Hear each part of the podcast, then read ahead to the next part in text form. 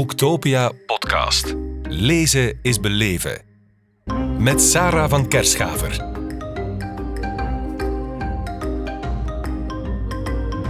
Hello, Nikki Garrett and Sean French. Welcome at Booktopia. It, it's wonderful to be here. Yeah, it's really Thank nice to be here. Ah, nice. Yeah, we spoke each other last year. Then it was a, a conference call, so it's it's really nice to have you alive and kicking and live. it's been a real. You know, it's, you'd think that it's Yeah. good enough doing it on Zoom, but it, you know, coming coming back to Belgium and actually meeting readers in the and face to face in the flesh, it's completely it's completely different. Completely It feels real. You know, you have an actual human contact. It's more warm, I suppose. T- completely. Yeah. Uh, what strikes me every time, if it's by conference call or live, it's why you've got such a great warmth, a warm aura around you. So um, um, every time I every time I'm surprised when I read your books that well, you're so damn cruel for your for your characters. How to cope with that? Do you know it's a, it's a strange thing. It's, it's it, I, I actually get that, but I think some people who read our books think we must be these dark, lead these strange, dark, grim lives. And actually, the, the the paradox I think is that we I think we have even in the, even the, the darkest books are the ones we have the most fun writing. You know, there's hmm. something about and about to going together into these into these very dark areas. And I there are there are some you know I, I can actually because you know here we are, here, here we are. We've now written we've published 24 books together, and so it represents each. It takes and it takes us about a year to write a book. So each book from me. Re- represents what we were going through in that year, what we were feeling, That's very uh, scary. yeah, and no, and sometimes I, it's funny. You look back and actually you realise what fun we were having at that time. You know, Well, as we are here for uh, The Favor, translated in Dutch as uh, De Gunst, published by Ambo Anthos, I should imagine you writing giggling. Uh, so, because what it's about, what it's all about, the book. So the favour, we we had an idea which we carried around with us for many many years about what it means to be in someone's debt, what it means to do someone a favour, and we we kept asking each other the question: if someone came to you out of your past, um, in this case, the lost love, the kind of first lost love, and they asked you for a favour would you have to say yes? Would you be kind of morally obliged to unconditionally say yes or no? And that it took us many years to kind of come up with this story around that. So in the Yeah, can I just say that also it was an argument between the two of us. A lot of I think oh. a lot of our of our um, all- our, yeah. our stories come out of things we can't agree. So So there was an old love. Well, we I, yeah, well, let's, Not let's not go there. not that Not that, That's too ta- that's too dangerous. Too painful. Yeah, you can't deal with that much pain. Uh, we, no, but no, we ha- it was really just sort of saying if you really if someone had done something, you owe something to them. They've helped you in the past, and they come to you uh, and and say, we you know we. Can you do me a favour? And one, I have to say it without saying which one. What, the argument was, I think one of us said, "You just have to say yes, even before they've asked you. Say, Yeah. I will do it." And the other one said, "No, no, hang on. It depends what depends what it is." And I think that's it was big, it was out of that conflict we thought we've got to write a book where, where the character has to face up to that problem. Sorry, I, I was and, that and that argument is the argument that the character has with herself in a way. Mm-hmm. So, so that was the source of the book, and then, then it, but it took us a long time to find the story, mm-hmm. and the story is about a young woman who seems to have everything that she wants in her life, and her life seems to be absolutely in her control. So she's a doctor, a junior doctor. She's about to get married. They're about to buy a flat together in London. Oh. So it's all planned, which is a very bad sign in a Nicci French novel. If someone thinks their life is going well, then something's about to happen.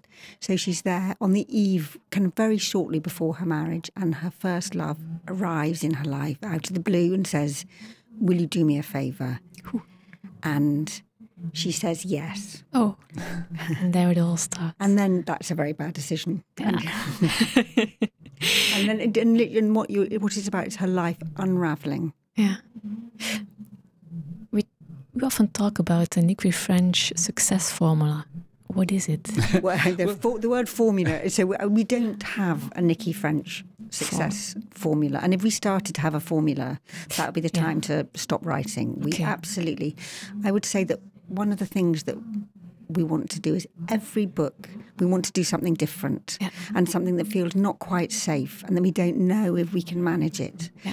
And in a way, that's we, so it's about having a story that we feel we need to tell and, and an idea which grabs us and excites us. Um, You're not looking that- for the but- well, comfort zone. Except, but yeah, but I, so what I would say there's a kind of feeling that our books share, which is, um, which is, I think, I mean, Nicci and I disagree about many things, but, but, but I think one thing we feel together is about the kind of frag- fragility of of our of ordinary people's lives, which is what interests us. And I think often we almost try to pretend that our lives are safer than than they Mm. really are. And I think one thing we've been so fascinated by, and I think this is something that I think may have connected with readers, is that idea that all the time, however happy we are, however what uh, you may be in a good relationship, be happy in a you know everything's going well, and we're always just one decision away, one bit of bad luck away from it all cracking, all, all falling away. And how would we? How would we deal with that? You know, what would the you know life is fragile, and how would you know what, how would we if we lost everything, or if things started to become if our safety dis- disappeared, how would we cope with that? I always think about myself. I think the answer would be very badly, and we, we, no, but so that, that thing about cracking, about your life cracking, is also about the self cracking. And one of the things that we find ourselves writing over and again is how people discover Mm. things inside mm. himself that they didn't know existed. So, kind of tragedy or disaster. What it can do is it can show you new things about yourself. I mean, the human mind is infinitely kind of various and huge. You never get to the bottom of dis- discovering mm. yourself. So, one of the ways that when we think about, when we're planning a novel, we're planning the story and trying to make sure that it's really exciting and that people want to turn the page Yes. and that there are cliffhangers. So we need to get the story right. Part, and we also need to get the story of the character right about what they go through and what they discover about their own selves. How to cope with that exis- existential Yeah. fear. Yeah. Actually. Yeah, Yeah. it's something we share. Yeah. Well, it's something we're interested in. If you look at, you know, when disasters happen or when people are caught up in war or things like that, Mm-hmm. nobody knows. You nobody knows how they'll react, and it's so un- that people you think would be brave collapse, and other people just discover amazing resources in themselves. And that very uh, something we've explored in various books is at a certain point you have people have a question it almost feels uh, safer just to give up, just to lie down and die. And so, or are you going to go through the really difficult thing of trying to survive, and what will that take? You know, and that's such an interesting moment, I think. In you know, You you see that shop. Um, was it already like that 25 years ago when you started writing? Mm-hmm. What that, that feeling Huh? of fragility. Yeah. Oh, I think so. I mean, I think one of the, I think what we've discovered in the 25 years is what was always there, but we've kind of understood it. So, so the sense that life is like walking on thin ice and you can mm. fall through. I think it was there, but I think we've kind of bought it more into the open by writing about it. I mean, lo- one of the excitements about writing together is we're exploring the world together and exploring our fears together, and therefore kind of kind of clarifying themselves. And I actually I think that's one of the great pleasures of psychological thrillers mm-hmm. is that they're kind of going into people's dark fears, our own dark fears, and into the kind of mess and brutality of life. But by they're they're kind of giving a narrative to that and mm-hmm. putting stepping stones down. So they're both terrifying, but there's a comfort in facing up to fears. And if you would give some advice to yourselves 25 years ago, what would you say? well, we we try and learn Dutch. Yeah, yes, if we'd known, because we, you know, we have a special relationship with this, with the uh, this Yeah. area, part of uh, Belgium and the Netherlands, mm-hmm. and it's been a great pleasure. I mean, we come, we probably come here two or three times a year, and it, you know, so if I if I, if I'd mm-hmm. been told that in 1997, I'd have immediately. Actually, Duolingo didn't exist, but I'd have, you know, I'd have. I'm afraid our Dutch is disappointingly inadequate. It would have been a great uh, historical gift, yes, actually. exactly. um, well, everyone has a secret, uh, I heard you say in an interview. Yeah. Um, is that a good thing or a bad thing? That, so that's such a good question because I think there are good and bad secrets. Okay. So often we write about people who have bad secrets, secrets that are kind of guilty burdens and that they need to disclose, and that they often are disclosing in weird ways and that they're, they're, that are kind of erupting through the surface. But they're also good secrets. Everyone needs to have their secret self and their secret life. I mean, Sean and I, we spend day after day, year after year, work living together, mm-hmm. working together, sharing almost everything. But we we have to have our secret selves. Everyone does, and those are good. You need to let people have those kind of secrets. How to accept Nicci, that? Nicci doesn't know my secrets. That's, that's what it's very important. that, you know. uh, but I mean, I, but I think that's in a way it's almost beside the point. That there are, ter- you know, of course, there are terrible secrets. There are people who've done awful things and conceal them, and and people. But but in a way, part of being a human being and uh, is having your privacy, having your secret thoughts.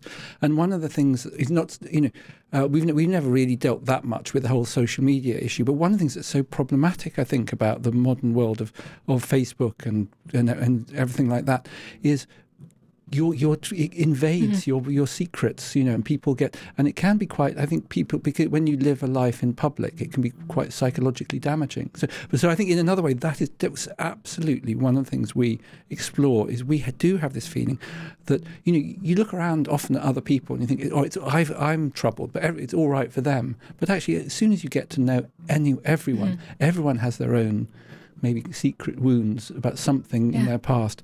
And we, we're really always wanting to, you know, you think with all our characters, uh, you think, what is their secret? You know, what is the mm-hmm. the damage they're, they're, you know, and what does what's the effect that they're, you know, what's the damage that they're ca- carrying around with them? And yeah, and often it's something you fall in love with. I suppose when you meet someone and you you think mm, there's something mysterious. There's oh, something. Oh, that's so good. yes, that's right. and it's the same thing, I suppose, with your books. You you think mm, there's something in that book. There's something in the storyline yeah. which is hidden. Uh, so well, I, can I, say we, we have explored exactly that subject, which is a, a very, I mean, endless subject about. In, in in different ways, I think yeah, falling in love with a person, you're taking a terrible risk, and often maybe what you're falling in love with is something that's sort of dangerous because you're trying to fill a gap in yourself, mm-hmm. you know. And so, so or, yeah, or for women, you're trying to kind of rescue them. You see the yes. damage and you want to kind of cure the damage. I think that's a particularly dangerous thing. Yeah. But I, that's so good. That thing about what you're falling in love with is the thing that you you're not seeing. I mean, I think another of our themes is that you know we're brought up being being t- taught to be, be be be frightened of strangers, but actually we feel the people you need to be really frightened of are the people who you're closest to. You know, may, yeah. may, you know. I mean, uh, the person who's in certainly in Britain, the, if you're a woman, the person who's most likely to kill you is your partner. You know, and mm-hmm. and there, but you know, there is that terrible. You know, you can live with someone for years, uh, be close to them, but you still they can be, have their own secret life. You know, and that's that's both scary and it's wonderful. You don't want to be able to get, to the end of somebody. Mm-hmm. You never want to know someone completely. What would that mean? You don't know yourself completely. So the kind of wonderful thing about being human is also the kind of monstrous thing about being human. Especially you, you you make up uh, stories about murder, injustice, threat. Mm. Don't you ever look at each other and think, what if he or she is making up this plan? oh yeah, well maybe that's the next thriller. I mean, I mean, I think that one. I think when I write with Sean, mm-hmm. I kind of I have learnt. I feel kind of intimately, kind of. I got had intimate access to things that I wouldn't have had had I not written with him. Okay. the workings of his imagination. So, in some ways, you could say that I know Sean really, really well.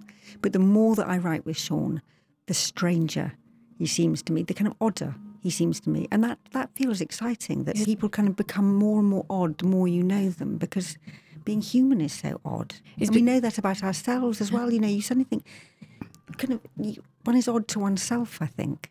Okay, it's because you've got access to his subconscious. You well, think? we do. I mean, the, one of the points of writing yeah. fiction is to free yourself of the normal politeness and constraints of a normal life. You've got, you've got, to be able to write terrible things, you know, really embarrassing things. So I think we've both allowed. I think that's been very important about about you know we, we kind of write about things that most people wouldn't talk about mm-hmm. or be we worried about exploring, and so I think so in a way we've gone through we've we've been like going through a kind of you know, wild joint therapy together over these years. You know. and you should see what's on the cutting room floor. Well, I think your love risk turned out very well. I hope so. So far. We'll so see. far, so far. Thank you for joining us and, and talking about uh, your writership and uh, about the, the favor. Thank you very much. That was Thank a pleasure. You. Lovely to Thank talk to you. Thank you for having us. Thank you. Boektopia podcast. Lezen is beleven. Beluister ook de andere podcasts live opgenomen op Boektopia 2022. Nu via je favoriete podcast-app.